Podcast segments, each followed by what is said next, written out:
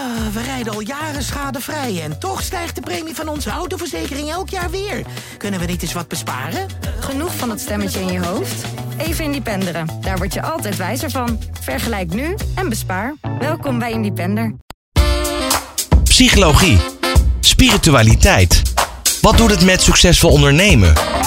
Maar ook met tegenslagen.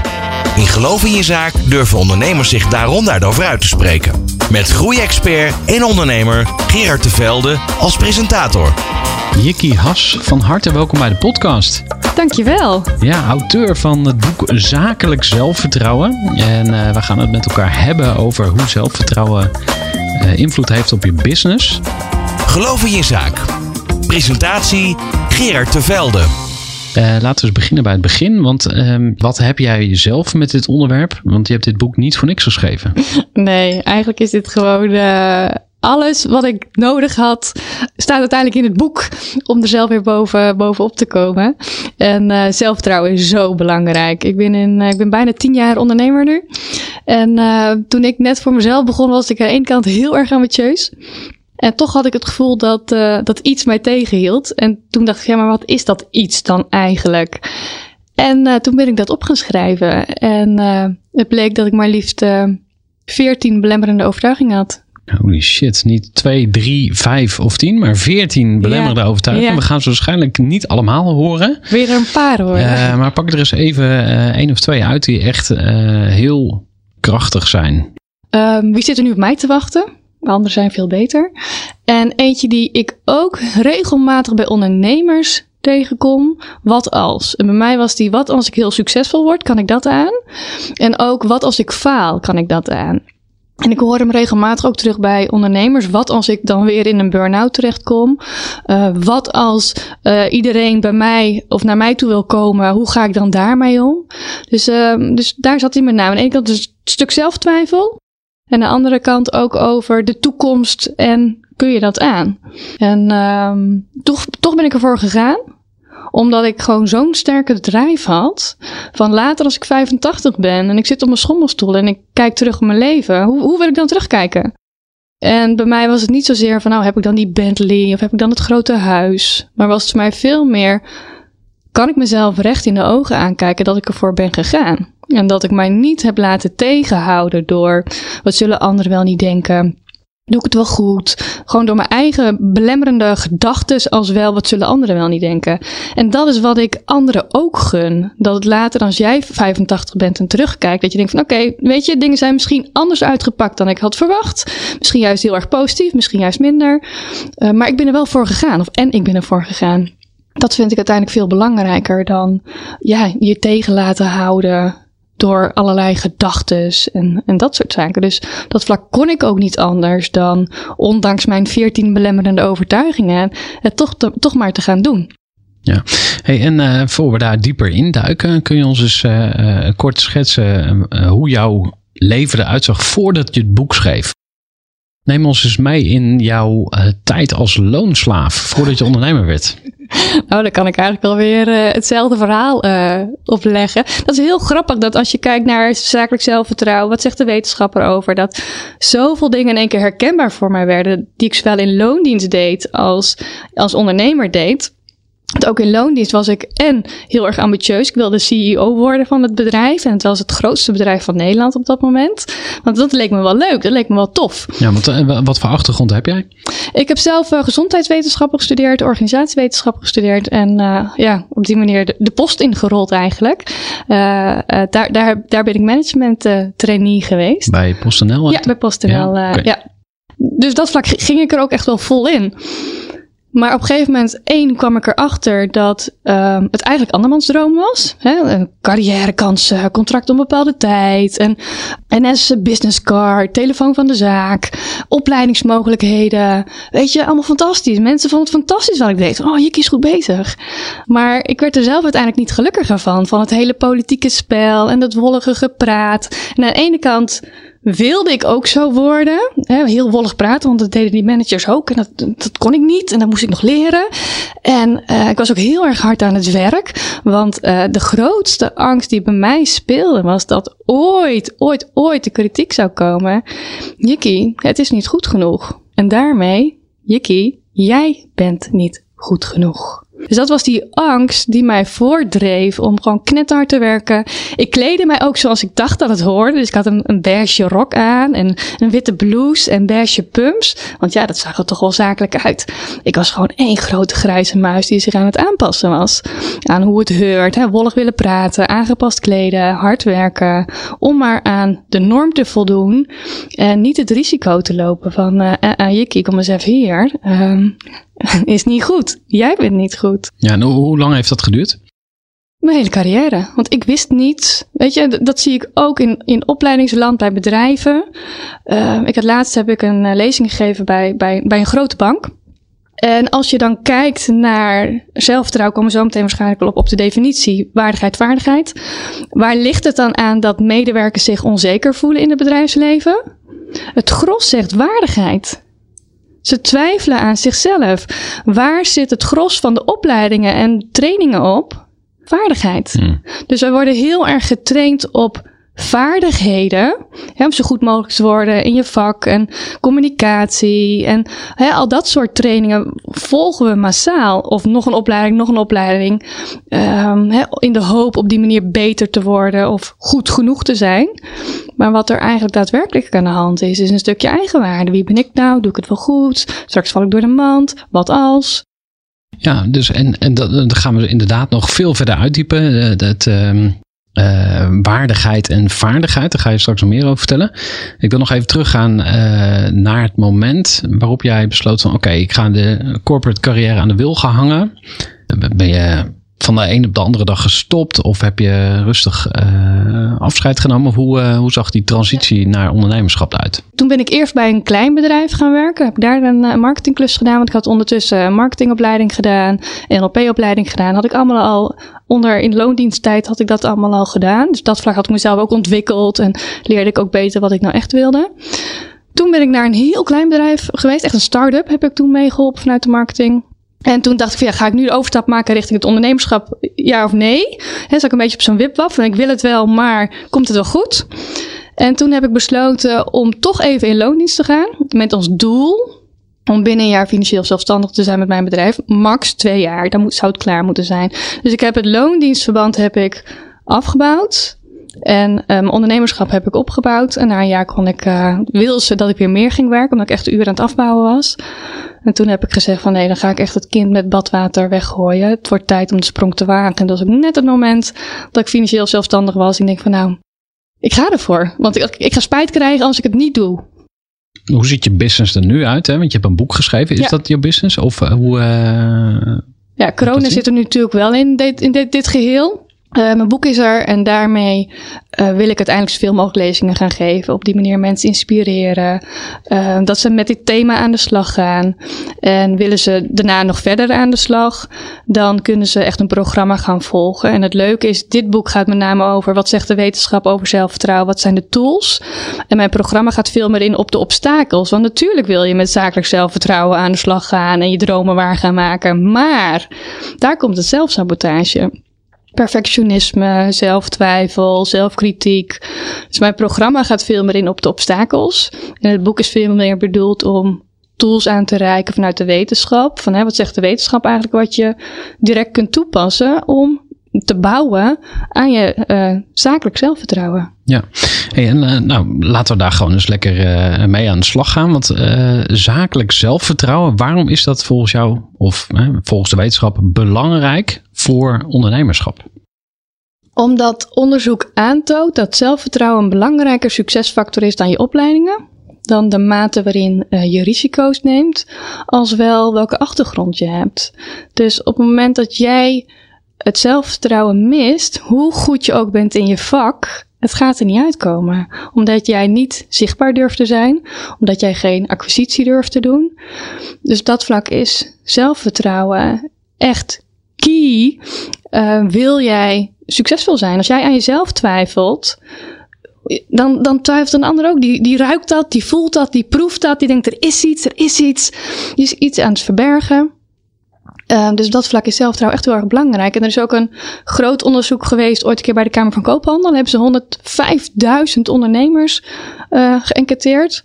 En bleek dat van de starters in ieder geval, dat 66% had behoefte aan meer zakelijk zelfvertrouwen.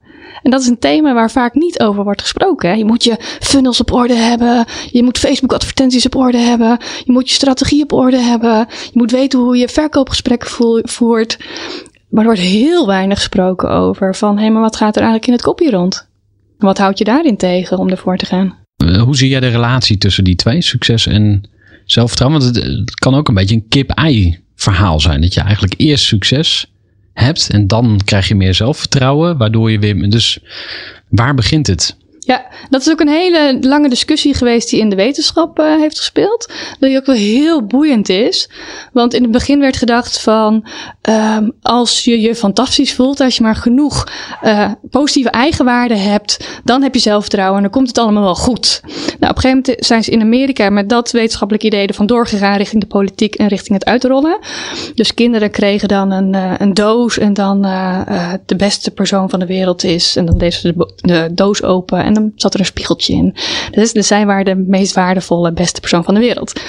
Nou, dat vlak werden die kinderen echt gepamperd. Hè? Echt, echt, echt gemotiveerd om te zorgen dat ze in zichzelf geloofden. En dat ze op die manier uh, het bedrijfsleven in konden.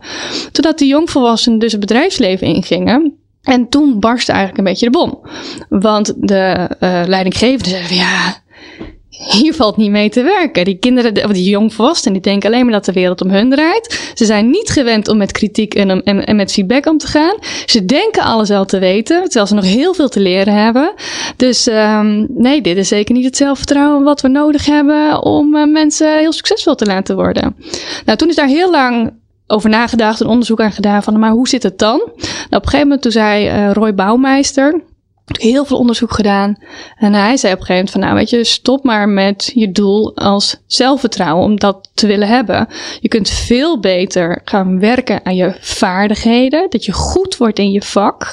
Vanuit daaruit ga je successen boeken en vanuit daaruit ga je het zelfvertrouwen krijgen. Wat jij ook zo net zei van, nou, hè, is nee, dat succes komt het zelfvertrouwen niet vanzelf, is het kip-ei verhaal. En um, dus toen was dat even de definitie van, nou weet je, zelfvertrouwen richt je er vooral niet te veel op, want het komt vanzelf op het moment dat je heel goed bent. Uh, totdat mensen die heel goed waren, toch maar weer naar een coach toe gingen. En uh, ook bij twee vrouwelijke wetenschappers uitkwamen van ja, ik ben wel heel succesvol, maar ik voel me nog steeds heel erg onzeker. En zeker op het moment dat mijn succes even wegblijft, of ik het gevoel heb dat ik mijn succes moet verdedigen. Uh, dus toen bleek dat hun zelfvertrouwen um, ja, smolt als sneeuw voor de zon. Dus die vrouwelijke wetenschappers zouden even, ja, mannen, jullie kunnen het wel zeggen, zelfvertrouwen zijn, hoe goed je in je vak bent, hoe goed je in je vaardigheden bent. Um, maar dat klopt dus niet. Die vrouwen zeiden, het gaat echt weer over dat gevoel in jezelf. Vind jij jezelf het waard om succesvol te mogen zijn? Het gaat over je eigen waarde. Nou, toen is daar een hele lange tijd discussie over geweest. Wat is het? Wie heeft er gelijk? Een beetje de strijd van de jongens tussen de meisjes, tussen de jongens en de meisjes. En op een gegeven moment kwamen ze tot de conclusie van hé, hey, maar zelfvertrouwen bestaat eigenlijk niet uit één aspect. Het bestaat uit twee aspecten. En zodoende zijn ze toen op die definitie gekomen van zelfvertrouwen. Ja. Zelfvertrouwen is dus belangrijk voor business. Ja. Um, maakt het dan nog uit of je uh, man of vrouw bent? Zit daar verschil in? Uh, er zijn wel onderzoeken die daar naar wijzen. Um, allereerst hebben een heel groot onderzoek gedaan onder bijna 1 miljoen mensen over 48 landen. En ook in Nederland zijn daarvoor mensen online uh, geïnterviewd, geënquêteerd. En dat bleek dat mannen hebben meer zelfvertrouwen dan vrouwen. Uh, dus het maakt niet uit of je in een meer traditionele samenleving woont, of dat je meer in een individualistische maatschappij woont en werkt. Uh, en het bleek zelfs dat in de meer individualistische maatschappij waarin wij zitten, uh, het verschil tussen mannen en vrouwen juist groter is. Dus vrouwen voelen zich onzekerder dan vrouwen in de meer traditionele rollen. En ze weten nog niet zo goed hoe dat komt. Wat denk jij? Ik denk een combinatie van factoren. Aan de ene kant kan het te maken hebben met hormonen, met testosteron. Uh, dat zie je ook bij vrouwen die zich hebben laten transformeren naar man. Die zeggen ook van ik, ik heb veel minder last van mijn onzekerheid. Hm. Dus dat zou kunnen. Uh, maar de andere kant kan ook te maken hebben met stereotyperingen. Ja, een vrouw hoort, een man hoort. En als een vrouw dan carrière gaat maken, uh, kan dat onzekerheid met zich oproepen. Of stereotypering, je past niet meer in het rolmodel. Dan moeten we wat aan doen. Dus daar zijn ze nog niet over uit van wat is nou uh, de factor wat het verschil kan verklaren. Waarschijnlijk ja, combinatie van allerlei dingen. En ook als je kijkt weer naar de definitie van waardigheid en vaardigheid. Dan hebben mannen iets meer de neiging om hun zelfvertrouwen te bepalen aan de hand van hun vaardigheden. Dus mannen zijn meer bezig met succesvol willen zijn, niet willen falen. Dus als een man zijn baan kwijtraakt, zie je dat dat meer doet met zijn zelfvertrouwen dan het als een vrouw haar baan kwijtraakt, ook al is zij kostwinnaar. Bij een vrouw is het juist dat zij hun zelfvertrouwen de neiging hebben om iets meer vanuit die eigen waarde te gaan bepalen. En vinden zij het ontslag vooral vervelend dat zij er niet meer bij horen of dat ze blijkbaar niet goed genoeg waren. Dus vrouwen zijn iets meer bezig met wat zullen anderen wel niet denken. En mannen zijn iets meer bezig met succes willen hebben en vanuit daaruit hun zelfvertrouwen willen bepalen. Geloof in je zaak. Presentatie Gerard de Velde. Hoe kan ik nou ontdekken of meten hoe ik ervoor sta op het gebied van zelfvertrouwen? Hoe je dat zou kunnen meten, uh, wat, wat mijn tip daarin zou zijn, is om bij jezelf te bepalen datgene wat ik wil bereiken. Jouw doel wat je wil bereiken. En wat jou daarin tegenhoudt nog. Wat jouw blokkade daarin is. Heeft dat dan te maken met jouw waardigheid? Kan ik dit wel? Wie zit er nu mij te wachten? En wat als ik faal? Of mis je nog bepaalde vaardigheden, waardoor jij het nu nog lastig vindt om daar vol voor te gaan. Maar ik denk niet dat je streven moet zijn om zoveel mogelijk zelfvertrouwen te hebben. Want op het moment dat je net iets wat minder zelfvertrouwen hebt, zorg er ook voor dat jij net dat stapje extra zet. want als je kijkt naar mannen en vrouwen, mannen die overschatten zichzelf 30%. Maar dat wil dus niet zeggen dat zij hun werk 30% beter doen. Uh, dus op de, en vrouwen die onderschatten zich vaak zo'n 30%. Dus voor de vrouw is juist de neiging om dan toch nog maar dat stapje extra te zetten. Dus die onzekerheid kan je ook stimuleren om net dat stapje extra te zetten. Om het toch te maar te gaan doen. Of dingen extra te checken. Of er nog een keer over na te denken. Um, dus het, heeft ook wel zijn, het kan ook zijn voordeel hebben om niet altijd barstensvol zelfvertrouwen te zitten. En dat als doel op zich te willen hebben. Nou, op die manier kun je dus voor jezelf bepalen van ligt het nu aan mijn waardigheid wat mij nu nog tegenhoudt op mijn vaardigheid. Weet je, als je, als je heel hard wil groeien met je bedrijf, maar dat vind je nog spannend. Hè? Aan de ene kant wil je het wel, maar de andere kant, hoe, hoe, hoe. Waar ligt het dan aan dat jij je op dat moment onzeker ja, ja want uh, dan ga je dus eigenlijk afpellen. Hè? Dus je gaat het heel specifiek maken. En dan kun je dus ook veel beter pinpointen ja, waar het zit. En of je eraan kan werken. Nou ja, weet je, en het grappige ook is, je gaat aan de juiste dingen werken. Want ooit had ik een keer een, een, een coachingsklant. En zij wilde met mij nog hebben over verkoopgesprekken. Want de week erop had ze een strategiegesprek. En daar wilde ze graag nog even de puntjes van op de i zetten. Nou, prima. Ik bedoel, daar ben ik voor. Maar ik had daar ook al alles uitgelegd over het verloop van een verkoopgesprek, mogelijke bezwaren, hoe ga je daarmee om. Dus dat vlak, de setting was helder. Toen vroeg ik aan haar, ik zei maar, wat wil je nou nog van mij? Ben je op zoek naar praktische tips hè, om de puntjes op de i te zetten? Wat zij dacht. Of is er een belemmerende overtuiging die jou op dit moment tegenhoudt? En ze dacht nog een paar praktische tips van Jikki, ik voel me nog een beetje onzeker. Heb je nog wat tips voor mij waardoor het gesprek goed gaat? Maar wat bleek, ze had een overtuiging van, maar ik wil niet lopen leuren. Dan had ik haar dus wel heel veel technieken nog kunnen leren of dat nog kunnen oefenen. Maar wat er eigenlijk, waar we mee aan de slag zijn gegaan, was van, ik wil niet lopen leuren, maar wat ze dan ook waar, waardoor je wel vol zelfvertrouwen dat gesprek in kunt gaan. Dus het helpt, maakt je heel erg scherp van, hé, hey, waar mag ik eigenlijk nog aan werken? En heb ik die opleiding, cursus eigenlijk nog wel nodig? Of mag ik eigenlijk gewoon aan mezelf gaan werken op dat moment? Ja. Je had het over 14 eh, belemmerende overtuigingen. Er kwam er net ook weer één uh, naar voren. Wie zit er op mij te wachten? Heb je daar een voorbeeld van? Van iemand die met zo'n probleem bij je kwam? En hoe los je zoiets op? Goeie vraag. Is het nog te fixen? Ik bedoel, als je dat in je jeugd eh, elke dag gehoord hebt van nou... Uh, Wie zit er op jou te wachten? Ja, we, we, hè, dus ja. als je in je opvoeding zo gekneed ja. bent in een bepaald, uh, bepaalde richting... Uh, welke microstapjes kun je dan nog zetten? Of wat ja. moet je dan doen om daar weer uit te komen? Ja, dit heeft echt te maken met je zelfbeeld inderdaad. Van, hey, wie zitten nu op mij te wachten? En er zijn er zoveel anderen en uh, bla, bla, bla, Het heeft te maken met je zelfbeeld. En je zelfbeeld wordt in je jeugd gevormd. Ja, dus eigenlijk wat geloof je over jezelf? Dat is Ja. eigenlijk waar, eh, waar we Ja. het over hebben. Ja, ja, dus dat wordt gevormd in je jeugd. En als, en als kind doe je aan de ene kant heel veel nieuwe ervaringen op. En dan moet je snel conclusies trekken. En zo zit de wereld in elkaar. Maar aan de andere kant zijn je hersenen ook nog niet zo volgroeid om daar af en toe boven te kunnen staan. En vanuit daar te kunnen zeggen: Oh, maar papa was gewoon chagrijnig. Of, eh, of, of mama die was gewoon een keer boos. Of weet ik veel wat. Dus eh, dat vlak. ehm, ben je een filter in de loop van de jaren aan het maken van, oh ja, zo zit de wereld in elkaar. En jouw hersenen nemen alleen die informatie over waarvan het brein zegt dat klopt. Dus als jij jezelf een loser vindt, dan kun je zo al die momenten opnoemen dat jij je een loser voelde. Want je brein zegt, oh dat klopt, oh ja dat klopt, oh ja dat klopt. Terwijl de momenten dat je het heel goed hebt gedaan en complimenten hebt gekregen, ja, nee, daar klopt vast niks van. En uh, ze hebben dit en dit niet gezien en dat is hen ook niet opgevallen. En, dus die, die informatie die, die wordt geblokkeerd. En vroeger werd gedacht van, nou, als je een negatief zelfbeeld hebt, zelf ook gepest als kind vroeger. Uh, op een gegeven moment als je een bepaald zelfbeeld hebt, uh, dan heb je alleen nog een hele grote portie liefde nodig. En dat is de enige manier om een positiever zelfbeeld te krijgen. Je moet echt gepamperd worden door je omgeving, wil je dat weer gaan geloven. Nou, recenter onderzoek, 2018 van de Universiteit van Groningen ook, die kwam uh, tot het inzicht van nee, zo werkt het niet alleen maar van in de zin heb je laag zelfbeeld, dan heb je de buitenkant nodig om uh, je beter te voelen. Het kan ook van binnenuit gaan komen.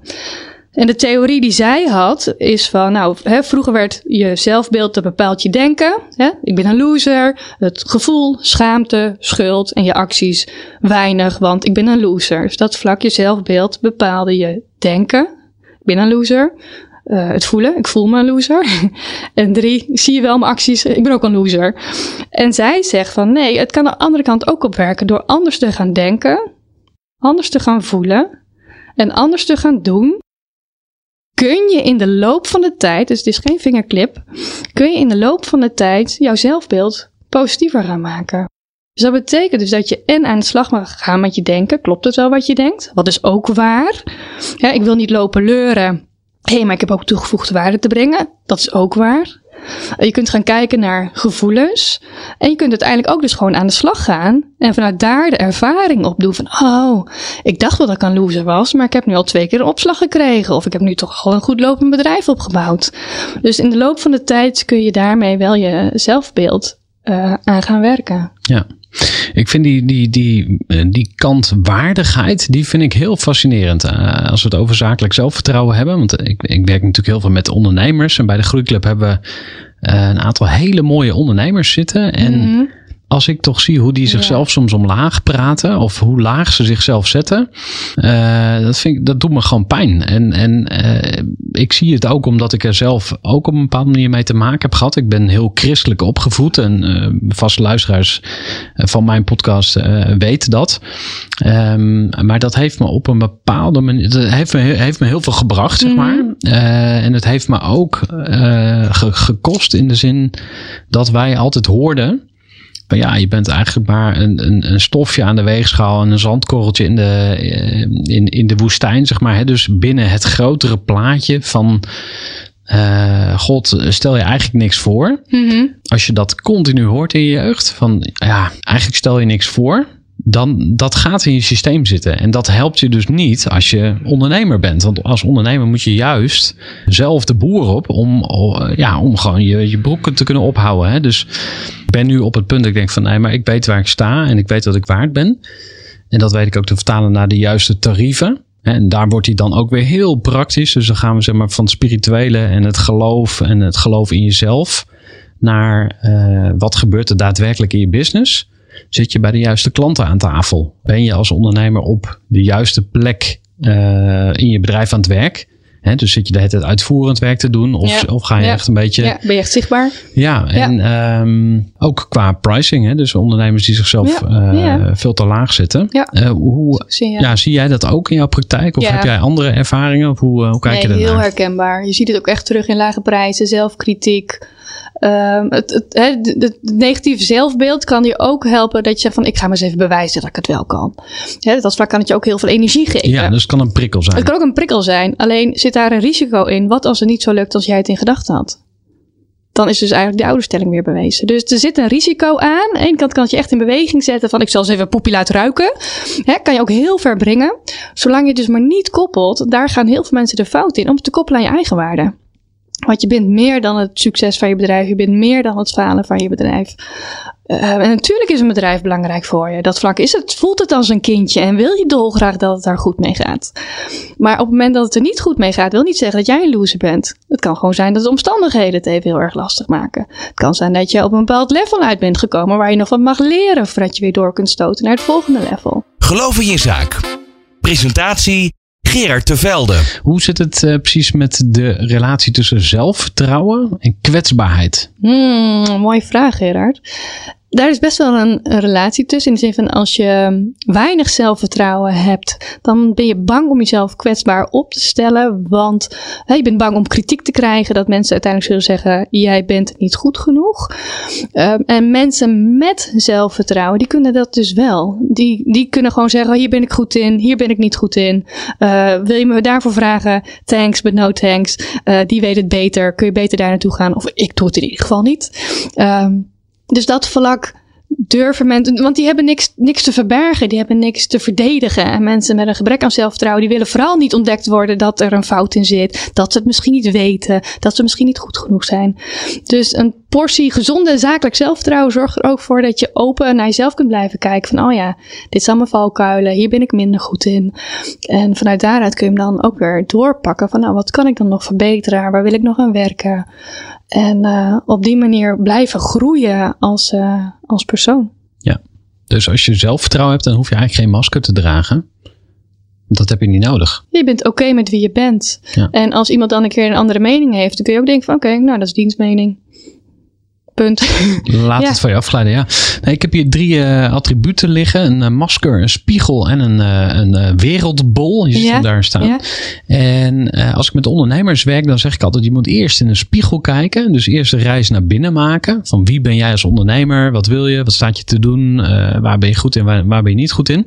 Al dat soort dingen. En daarna kun je pas de wereld intrekken. Dus zeg maar echt jouw reis beginnen en veranderen wat je wil veranderen.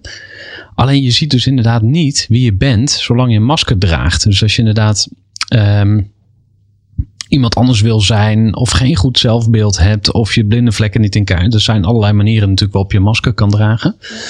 Um, ja, en kwetsbaarheid. Bij de Groeiclub voor Ondernemers doen we niet anders. Ik, ik zeg soms voor de grap was het bijna een soort lotgenotengroep waar je gewoon je even mag uithuilen.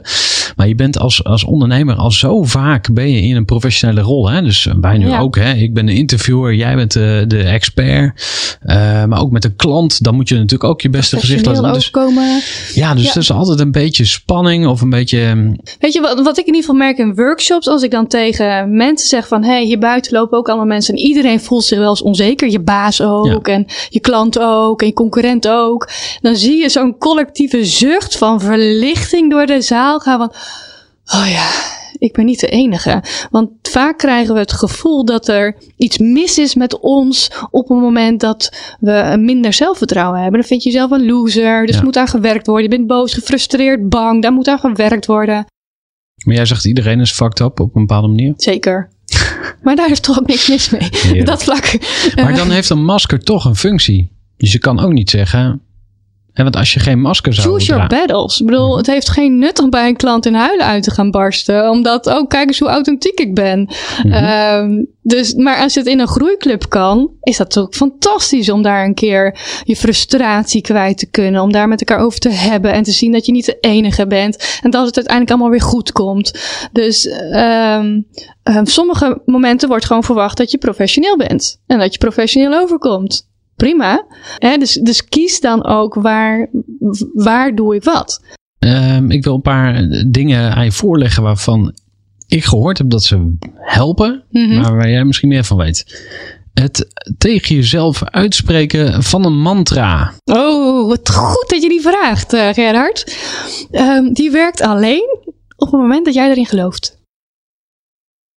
Dus als jij een lage eigenwaarde hebt en de mantra aangereikt krijgt: Ik ben fantastisch, ik ben goed genoeg. En jij denkt: echt niet.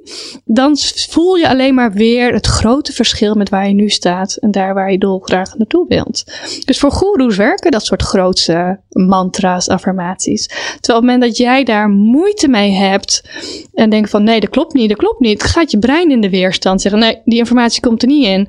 En er komt zo weer een voorbeeld waarin het bevestigd wordt, zie je wel, het klopt niet wat jij denkt, het nieuwe gedachte, die klopt niet. Dus als je een mantra wilt, kies er dan één die ook waar is. Ik heb er nog één voor je. Je kunt je zelfvertrouwen boosten met je lichaamshouding. Oh, ook zo mooi. Wat heb je een goede vraag, Gerard. Daar is, daar is lang onderzoek naar gedaan. En op een gegeven moment werd gezegd van als je die power pose doet, dan uh, uh, um, voel je meer zelfvertrouwen en uh, heb je ook meer, of komt, komt er testosteron vrij en um, uh, werkt het op die manier. Ik heb hem in loondienst een keer ingezet richting mijn leidinggevende. En die begon letterlijk inderdaad te stotteren toen ik in, naar de powerpose naar binnen liep om even wat te vragen. Dat hij de, huh, wat, wat, wat, wat, wat, wat vroeg Jackie? Uh, dus dat vlak werkt hij. Alleen op een gegeven moment is heel veel kritiek gekomen op hun, op het onderzoek. Van ja, dit testosteron, ah, ah, dat klopt niet. Dus die hele powerpose klopt niet. Nou, uiteindelijk is degene die dit onderzoek had geleid en die dus al die shit over zich heen heeft gekregen, die vrouw, die is uiteindelijk teruggekomen en heeft een, een meta-research gedaan. Dus heeft al die onderzoeken die erover gedaan zijn, die heeft ze weer bij elkaar gepakt. En in 2018 is op die manier teruggekomen van nou de powerpost die geeft inderdaad wel meer zelfvertrouwen. Alleen dat stukje van testosteron, dat kunnen we niet reproduceren. Dus daarmee hij staat, maar niet zoals die in eerste instantie uh, gepost is. In de zin van er komt meer testosteron vrij. Dus die kan zeker helpen als je van tevoren een spannend gesprek hebt om even naar het toilet te gaan. En dan uh, met voeten op heupbreedte, je arm in de lucht gebald. En dan even zo te gaan staan en dan uh, vol zakelijk zelfvertrouwen uit het toilet te komen. Maar werkt het nou wel of niet? Het werkt, alleen het deel van testosteron werkt niet. Check. In hoeverre is uh, zakelijk zelfvertrouwen afhankelijk van publieke opinie. Want we hebben natuurlijk uh, bijvoorbeeld in de modebladen, hè, dus mm -hmm. zie je altijd de, de allermooiste uh, mannen en vrouwen. Mm -hmm. En uh, nou, bijvoorbeeld, ik heb geen haar, maar er zijn ook in de modebladen weinig kale mannen te vinden. Dus ik denk dan altijd van, oh ja, nou, ik, moet, ik moet aan die standaard voldoen. En als ik dan even de transitie maak naar ondernemerschap. Mm -hmm. Dus we hebben bepaalde rolmodellen waarvan we zeggen, hey, dat is een succesvolle ondernemer. Hè? Dus uh, in, elk, in elke branche zijn er wel een soort van ja, oppergoden of mm -hmm. in ieder geval voorbeeldfiguren.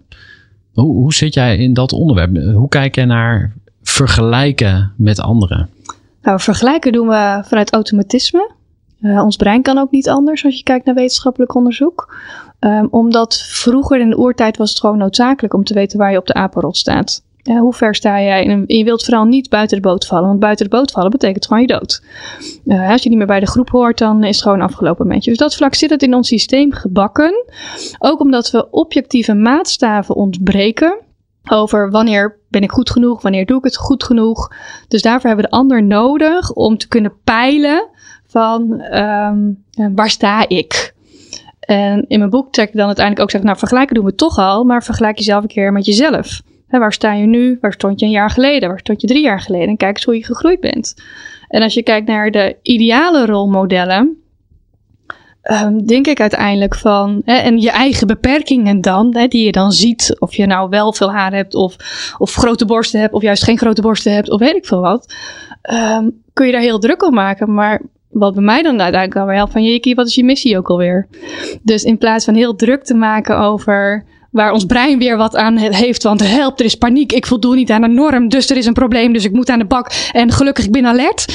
Uh, om dan weer te zeggen: Oké, okay, dit is wat mijn brein doet.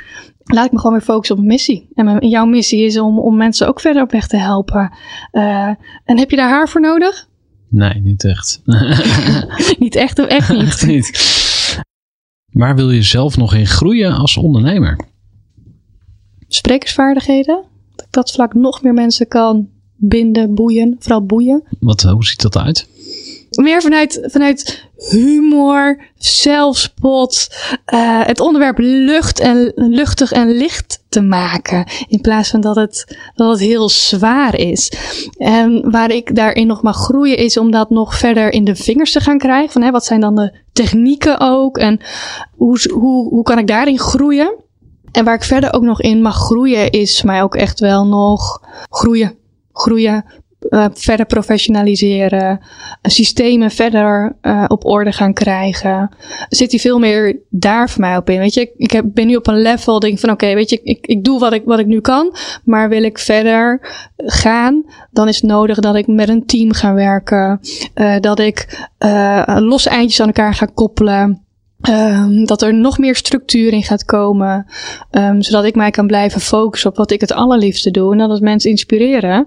Het liefst live. Um, en op die manier gewoon nog veel meer mensen kan bereiken. Want op dat vlak ben ik echt eager om mensen te inspireren, in beweging te zetten op een hele praktische manier. En niet zo van, oh halleluja, ik voel me fantastisch. En volgende, of een paar dagen later denk je weer van, oh ja, business as usual. Maar mensen ook echt te denken van, oh ja, met die tip, met dat stukje, nu snap ik hem. Nu kan ik in beweging komen. Nu wordt het voor mij behapbaar. Oh ja, laat ik het maar als een spel zien. Laat ik maar gaan beginnen. Um, oh, het ligt aan mijn waardigheid, niet aan mijn vaardigheid. Om mensen die manier, stap voor stap, uh, in beweging te gaan zetten. Ik wil even naar een ander onderwerp, eh, wat uiteraard ook met zakelijk zelfvertrouwen te maken heeft. En dat is een voorbeeld of een situatie waarin iemand misschien een beetje doorslaat. Mensen die ehm, misschien arrogant genoemd worden. Mm -hmm. Zoveel zelfvertrouwen uitstralen dat het bijna irritant wordt voor andere mensen. Kom je dat wel eens tegen? Het grappige is eigenlijk hè, dat het irritant wordt. Want dat zegt eigenlijk meer iets over jou dan over die persoon zelf. Want onderzoek toont wel aan dat degene die het meest zelfverzekerd is, die gaat uiteindelijk gelijk krijgen. Um, of hij nou gelijk heeft of niet, hij wordt als meest geloofwaardig geacht. Helder. En, en waar het dan misschien interessant wordt voor die persoon zelf weer, is dat uh, op een of andere manier uh, er toch een disconnect ontstaat ook met bepaalde mensen. Dus als je zo zelf, ja. zelfverzekerd bent, uh, dat je misschien een soort van ego trip krijgt of een soort van blinde vlek ontwikkelt. Uh, hoe zit dat? Dat kan inderdaad gebeuren. En daarmee is dus ook het doel niet zozeer om zoveel mogelijk zelfvertrouwen te krijgen, maar om een juiste level van zelfvertrouwen te hebben, waardoor jij je dus niet laat tegenhouden uh, door allerlei hersenspinsels en wat zullen anderen wel niet denken en wat als ik kritiek krijg. Maar wel open blijft staan van hé, hey, waar kan ik eventueel verbeteren en hoe kan ik het anders gaan doen. En daarmee zie je ook bij arrogante mensen, die hebben dus blijkbaar die koppeling gemaakt van hé, hey, ik ben succesvol.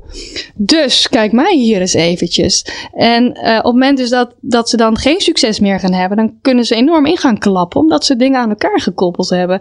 En op het moment dus dat je dat los kunt laten. En ook kunt kijken van, hé, hey, maar hoe kan ik verbeteren? Laat ik even een concreet voorbeeld pakken. Ja, het lijkt mij fantastisch, of dat is mijn doel, om op Nederlands grootste podia te staan, om daar te gaan spreken over zakelijk zelfvertrouwen. Als ik een Ben Tichelaar zie, een Remco Klaassen zie, denk ik van, ze doen goed werk en dat kan ik ook. Misschien een stukje arrogantie, een stukje ambitie. Uh, maar dat zorgt er wel voor dat ik wel open blijf staan, omdat ik niet persoonlijk opvat als ik er niet uiteindelijk kom. Dus dat vlak, mijn missie is groter dan de vorm, ik moet op het hoogste podium staan. Maar omdat ik, uh, hoe zeg ik dat, omdat ik dat niet koppel aan mijn eigen waarde, kan ik ook naar mezelf kijken van hey, wat kan ik nog verbeteren aan spreektempo of aan variatie of aan voorbeelden om beter te gaan worden. Dus het kan mij helpen om objectief naar mezelf te blijven kijken zonder veroordelend of zonder te zeggen ik ben fantastisch, want mensen die arrogant geworden, die koppelen waarschijnlijk ook dingen. Hè, ik heb resultaat bereikt, dus ik heb recht van spreken. Maar eigenlijk hebben zij niet meer recht van spreken dan dan een ander. Tuurlijk, ze hebben goede dingen bereikt en dat is zeker heel boeiend. Maar het is net zo boeiend om te leren van iemand die heeft gefaald. Ja, vind ik ook wel getuigen van een growth mindset. Je kent uh, Carol Dweck uh, misschien wel, hè? die heeft het over de fixed mindset en de growth mindset. Daar moest ik net ook al aan denken, want als je dus uh, ja, een beetje verzuipt in je eigen succes, hè, wat natuurlijk nars Narcissus verdronken in zijn eigen spiegelbeeld. Dus, ja. um, maar dan sta je dus ook niet meer open. Dan sta je niet meer open voor uh, hoe het anders zou kunnen. En Ja, ik denk dat een hele belangrijke eigenschap voor ondernemers is om altijd open te blijven staan. Hoe, hoe ver je het ook geschopt hebt, hoe goed je ook bezig bent. Er is altijd iets wat jou kan verrassen en wat je kan leren van weet ik veel, uh, de snackbarhouder op de, op de hoek of uh, een schooljuf of um, een kind of whatever. Maar overal is wijsheid te vinden. En uh, dat moet je wel blijven zien. Ja, maar ook voor de mensen dus die juist minder zelfvertrouwen hebben. Want zij hebben ook de neiging dus om dicht te slaan van ik ben een loser, zie je wel, ik kan Aha. het niet. En dat soort dingen. Dus ongeacht nou of je heel veel zelfvertrouwen hebt. En misschien wel zelfs een beetje te veel hè, met de richting van het narcisme. Of dat je juist te weinig hebt van, maar wat als er een fout in mijn LinkedIn-update staat en uh, ik krijg hier kritiek op. Uh, het is in beide keren dus belangrijk om open te blijven staan van, hé, hey, waar kan ik verbeteren? Wat gebeurt er? Is ook zo'n wetenschapper die heeft een heel leuk onderzoek naar gedaan, uh, Kahneman. En die heeft ook gekeken van hoe denken succesvolle ondernemers eigenlijk. Dus niet zozeer risico's nemen en hebben ze met geld gesmeten en dat soort dingen. En hij komt tot de conclusie: die succesvolle ondernemers zien juist alles als een tennisspel. Als een spel, soms win je, soms verlies je, maar het zegt niks over wie je bent. Terwijl op het moment dat je het wel persoonlijk opvat en je verliest een keer een partijtje tennis, dan trek je de conclusie: zie je wel, kan niet tennis, ik ben een loser. Omdat je het koppelt aan je eigen waarde. Ga ik een extreem voorbeeld aan je voorleggen? Je hebt uh, eh, 30 jaar lang gebouwd aan je horeca-imperium. Je hebt mm -hmm. uh, drie zaken ergens in een uh, middelgrote stad in Nederland. Dan komt corona en dan ben je bijna alles kwijt. Je gaat misschien bijna failliet. Ja, hoe ga je daar dan mee om? Moet je dan niet aan jezelf gaan twijfelen ook? En hoe hou je op zulke momenten dan geloof in je zaak? Het lijkt me heel lastig. Natuurlijk is dat heel lastig. Ook om zeker op het moment dat het zo belangrijk voor je is. het voelt het aan als, als je kinderen, hè, drie kinderen. En dan gaat het nu gewoon slecht mee. En dat raakt jou. Uh, maar op het moment dat jij uh, het kunt zien van oké, het zijn de omstandigheden die nu ervoor zorgen dat ik al zoveel maanden dicht ben. Ik doe ondertussen wat ik kan met afhaal, met uh, wandelingen organiseren waarbij ze langs diverse cafés gaan en iets ophalen. En op die manier uh, dat jij je best hebt gedaan. Dan kun jij jezelf volgens mij niet anders dan jezelf recht in de ogen aankijken. Van hé, hey, heb ik er nou aan gedaan wat ik er op dit moment aan heb kunnen doen, gezien de omstandigheden dat vlak uh, had ik laatst met iemand ook nog een gesprek over. Soms heb je ook nog het gewoon het geval pech. Ja, en we zijn af en toe zo bezig met alles is maakbaar. En als je dit maar volgt, dan komt het allemaal goed. En anders ligt het aan jezelf. En uh, hè, zitten we echt in dat soort uh, systeem. Terwijl, ja, ik heb mis, miskramen, miskramen gehad, een stuk of vier. en dat iemand ook tegen mij zei: Jikkie, sommige dingen zijn ook gewoon pech. Omdat ik dacht van, oh ja, inderdaad. Tuurlijk is het enorm ruk, om het even zo te zeggen. Tuurlijk had je het dolgraag anders gezien. Maar is het af en toe zo als het is? En hoe ga je vanuit die omstandigheid dan toch weer de boel op gaan pakken? Toch maar weer in actie komen, ondanks dat, ondanks alle shit die gebeurd is. Geloof je dat dat uh, met een reden gebeurd is en dat het ergens toe diende? Um, ik heb er wel heel veel van geleerd. Ja, ik heb wel heel veel geleerd om meer te vertrouwen op mijn intuïtie. Ik was een keer aan het mediteren en ik zag gewoon dat de embryo een rondje weg en werd en wegvloog. Dat ik dacht, wat de fuck gebeurt hier? En een paar uur later uh, begon de miskraam. Dus mijn lichaam wist al wat er aan de hand was. Ik nog niet. Um, het heeft me ook heel erg geleerd van dingen kunnen gebeuren. En ook wat is echt belangrijk voor mij denk dat dat. Ik denk wel dat ik uit die race ben gehaald om altijd maar zo snel mogelijk door te willen. Door, door, door, door, door, door, door, door, door. En dat me wel meer heeft doen stilstaan. Van wat wil ik nou eigenlijk echt? Wat is echt belangrijk voor mij? En daarmee wil ik niet zeggen, oh, we moeten met z'n allen op een hutje op de hei zitten met ons gezinnetje en genieten van de natuur. Want je bedrijf is ook belangrijk voor je. Of de functie die je hebt in het bedrijf is ook belangrijk voor je. Want anders weet je het niet. En anders leer je wel op dat moment te denken van hm, misschien moet ik er iets mee doen. Maar dat heeft het me denk ik wel voornamelijk geleerd, ja. Ja, en wat, wat, wat staat jou dan te doen hier op aarde, om het maar eens even heel groot te maken? Uh, mensen in beweging zetten. En het vooral praktisch te maken. Ik dacht, ik wil, mensen, ik wil mensen het leven praktisch maken. In de zin van, zelfvertrouwen. Dus aan de ene kant is mijn doel hier op aarde, volgens mij, om, of wat, wat ik geloof, hoe ik het zie, hoe ik het voel, is van later als je 85 bent en je kijkt terug op je leven, ehm, heb je dan, kun je jezelf dan recht in de ogen aankijken van, uh, ik ben ervoor gegaan, ik heb me niet laten tegenhouden. En voor mij zit hij daar het, weer het zakelijk zelfvertrouwen, dat jij jezelf niet laat tegenhouden door allerlei uh, mind tricks, de functie van je brein, de biologie van je brein. Um, gedachtes, opvoeding, om vanuit het punt waar je nu bent, om nieuwe keuzes te gaan maken. Van ook al heb je een rotjeugd gehad, ook al ben je gepest als kind, ook al heb je uh, hele indoctrinatie van de kerk gehad, hoe wil je vanaf dat punt verder gaan? En wil jij je daar nog langer door laten tegenhouden? Of wil jij aan de slag om dingen te gaan veranderen? En dat iedereen op zijn of haar manier zijn of haar missie achterna gaat. Uh, en zich daarin niet laat tegenhouden. Mooi uh, gesproken, Jikkie Has. En uh, we kunnen hier heel concreet mee aan de slag. Dat is wat jij uh, ja. te doen hebt. Ehm, mensen die meer in zichzelf willen gaan geloven. Die succesvol durven te zijn. Die hun grootsheid durven te gaan leven. In plaats van... willen gaan leven. Willen gaan leven. Ja. Die kunnen bij jou terecht. En ja, waar kunnen we meer over jou te weten komen? Uh, ga naar mijn website www.zakelijkzelfvertrouwen.nl. En ik vind het ook altijd heel erg leuk als je me toevoegt uh, op LinkedIn. Gewoon zeggen van hey, ik heb de podcast van Gerard gehoord. En leuk om even met je te connecten. En ik blijf graag geïnspireerd. Dus ehm, dat zou ik heel erg leuk vinden als mensen dat uh, zouden doen. En mocht je echt mee aan de slag willen, koop ook vooral het boek. En het is gewoon uh, wetenschappelijk onderbouwd, praktische vertaling. En ook gewoon met een stukje humor, zelfspot, waardoor het onderwerp gewoon wat, wat minder zwaar wordt. Op dat vlak maak ik af en toe wel de vergelijking met seks. Ik zeg heerlijk als je het genoeg hebt en frustrerend als je het te weinig hebt. Maar daarmee geeft het ook wel een beetje aan dat voor heel veel mensen nog een taboe onderwerp eigenlijk is. En zichzelf bijna moeten verdedigen. Uh, terwijl het gewoon een spier is eigenlijk die je kunt trainen. Vaardigheden, waardigheid. En uh, op die manier jezelf niet langer tegen toe laten houden. Geloof in je zaak is een podcastserie van De Ondernemer. Voor nog meer podcasts ga je naar deondernemer.nl